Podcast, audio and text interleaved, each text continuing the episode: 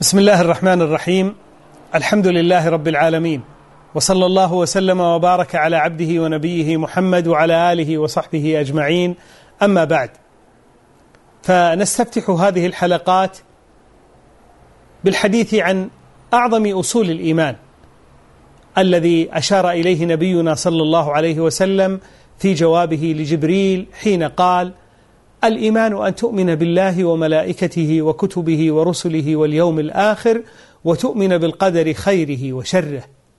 بل كما قال الله سبحانه وتعالى ليس البر أن تولوا وجوهكم قبل المشرق والمغرب ولكن البر من آمن بالله واليوم الآخر والملائكة والكتاب والنبيين. فأعظم أصول الإيمان هو الإيمان بالله تعالى. ومعنى الإيمان بالله عز وجل الاعتقاد الجازم.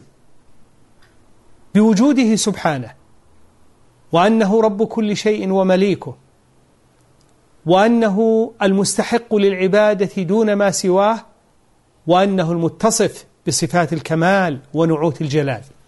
فالإيمان بالله تعالى يتضمن أربعة أمور الإيمان بوجوده والإيمان بربوبيته والإيمان بألوهيته والإيمان بأسمائه وصفاته. أما المقام الأول فهو الحديث عن الإيمان بوجوده سبحانه وبحمده بأن يعتقد المرء بأن الله سبحانه وتعالى موجود حقا وقطعا وهذا أمر بدهي فطري. فإن الله سبحانه وتعالى قال ذلك بأن الله هو الحق وأن ما يدعون من دونه هو الباطل. وقال بعض أنبيائه مخاطبا قومه أفي الله شك؟ فاطر السماوات والأرض؟ ولما أن تظاهر فرعون بإنكار الله عز وجل وقال وما رب العالمين؟ رد عليه موسى عليه السلام برد يدل على أن قلبه مستيقن لحقيقة وجود الله تعالى وربوبيته. فقال عليه الصلاة والسلام قال لقد علمت ما أنزل هؤلاء إلا رب السماوات والأرض بصائر وإني لأظنك يا فرعون مثبورا. فإنكار وجود الله بهت وكفر ووجوده سبحانه وتعالى عين الحق وقد دل على وجوده أنواع الأدلة. ومن ذلك دلالة الفطرة ودلالة العقل ودلالة الحس ودلالة الشرع. فأما الفطرة السليمة فهي التي أودعها الله تعالى في القلوب دون سبق تعليم. قال الله سبحانه فأقم وجهك للدين حنيفا فطرة الله التي فطر الناس عليها لا تبديل لخلق الله. ذلك الدين القيم.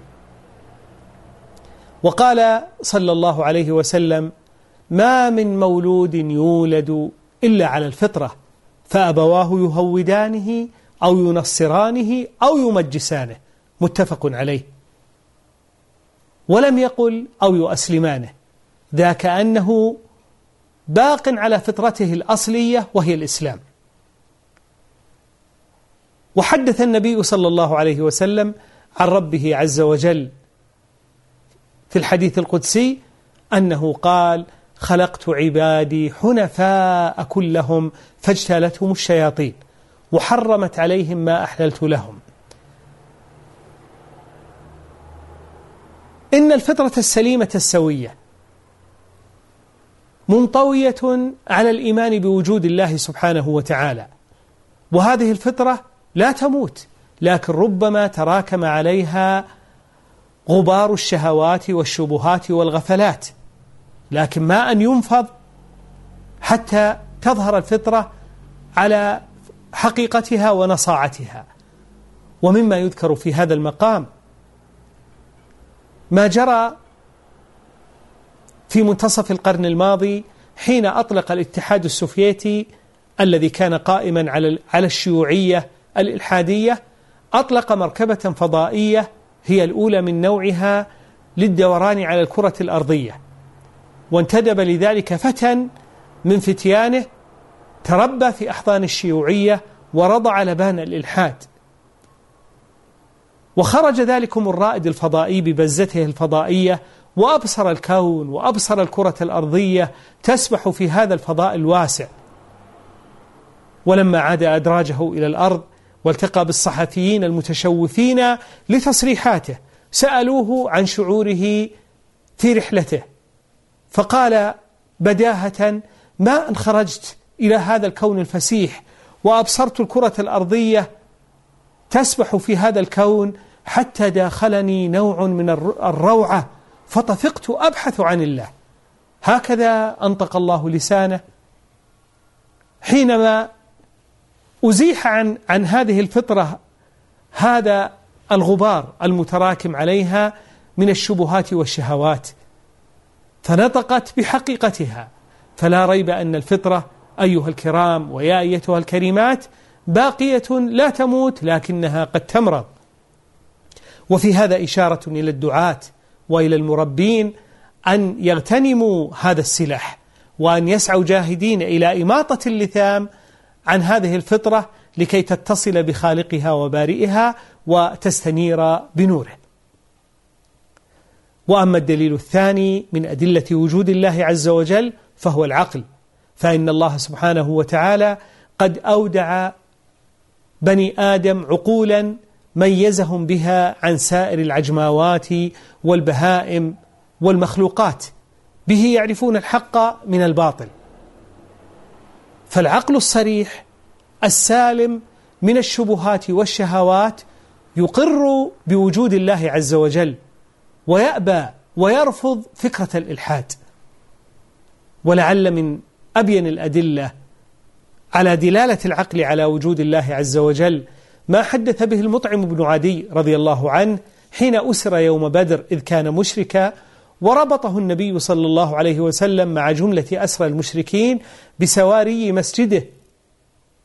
فسمع النبي صلى الله عليه وسلم وهو يقرأ في صلاة المغرب بسورة الطور. فلما بلغ قول الله عز وجل أم خلقوا من غير شيء؟ أم هم الخالقون؟ قال رضي الله عنه فكاد قلبي أن يطير وذلك أول ما دخل الإيمان في قلبي. هذه الآية الواحدة المكونة من جملتين. دليل عقلي قاطع على إثبات وجود الله عز وجل. إذ أن الله تعالى نفى أن يكون الإنسان وجد صدفة. أم خلقوا من غير شيء؟ ونفى أن يوجد الشيء نفسه بنفسه. لأن العدم لا يمكن أن ينشئ وجودا. فتعين أن يكون الموجد هو الله وحده. فهكذا تخضع العقول لدلالة العقل على إثبات وجود الله عز وجل. فالعقل الصريح يقطع بوجوده سبحانه وتعالى. ومما يستدل به العقل على وجود الله عز وجل هذا الكون الموجود بأجرامه السماوية وآياته الأرضية وحوادثه الكونية فإنه لا بد لها من مدبر لا بد لها من موجد. وأما الدليل الثالث فهو دليل الحس. والحس يراد به ما تدركه الحواس الخمس من البصر والسمع واللمس والذوق والشم. فإن هذه هي الحواس التي يتمكن بها الإنسان من إدراك الأشياء. لقد دل الحس على وجود الله عز وجل ودلائل ذلك مبثوثة في النفس والآفاق.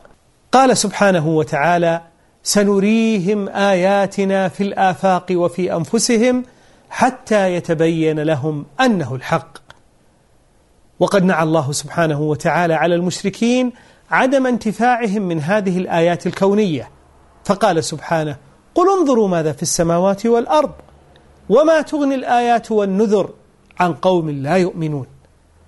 فالاستدلال بالآيات المشهودة من أقوى الأدلة على إثبات وجود الله عز وجل. والقرآن العظيم قد هز العقول البليدة والنفوس الخامدة. فقال سبحانه وتعالى لافتا الأنظار ألم نجعل الأرض مهادا والجبال أوتادا وخلقناكم أزواجا وجعلنا نومكم سباتا وجعلنا الليل لباسا وجعلنا النهار معاشا وبنينا فوقكم سبعا شدادا وجعلنا سراجا وهاجا وأنزلنا من المعصرات ماء ثجاجا لنخرج به حبا ونباتا وجنات ألفافا.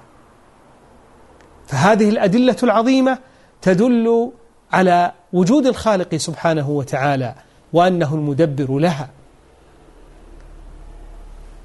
من دلالة الحس أيضا على وجود الله إجابة الداعين وغوث المكروبين وكرامات الصالحين. وشواهد ذلك ودلائله كثيرة. تأملوا أيها المشاهدون والمشاهدات قول الله عز وجل عن عبده ونبيه نوح عليه السلام فدعا ربه أني مغلوب فانتصر. فماذا جرى؟ ففتحنا أبواب السماء بماء منهمر وفجرنا الأرض عيونا فالتقى الماء على أمر قد قدر وحملناه على ذات ألواح ودسر تجري بأعيننا جزاء لمن كان كفر. لولا أن ربه موجود وإلا لما جرى ذلك؟ لا شك أنه قد سمع وأجاب دعاءه. وذلكم الأعرابي الذي يدخل على النبي صلى الله عليه وسلم وهو يخطب يوم الجمعة فيقول يا رسول الله هلك المال وجاع العيال فادعوا الله أن يغيثنا. فيرفع النبي صلى الله عليه وسلم يديه الشريفتين ويقول اللهم أغثنا اللهم أغثنا. فما هو إلا أن تنطلق سحابة مثل الترس من وراء سلع فتتوسط في كبد السماء فتنتشر. وتبرق وترعد فما ينزل رسول الله صلى الله عليه وسلم من المنبر إلا والمطر يتحادر من لحيته. هذا دليل على وجود مجيبه سبحانه وبحمده. وأما الدليل الرابع فهو دلالة الشرع. فما من آية في كتاب الله أو حديث عن رسول الله صلى الله عليه وسلم إلا وهو دليل برأسه على إثبات وجود الله عز وجل. فإن شريعة الله وخبره قد تضمن العقائد الصحيحة والشرائع العادلة والأخلاق القويمة والأداب العالية. وما كان ذلك ليأتي إلا من عند الله ولو كان من عند غير الله لوجدوا فيه اختلافا كثيرا. هذه أدلة أربعة على إثبات وجود الله عز وجل يرد بها على الملحدين ويصاح بها على الكفرة والزنادقة أجمعين. هذا وصلى الله على نبينا محمد وعلى آله وصحبه أجمعين.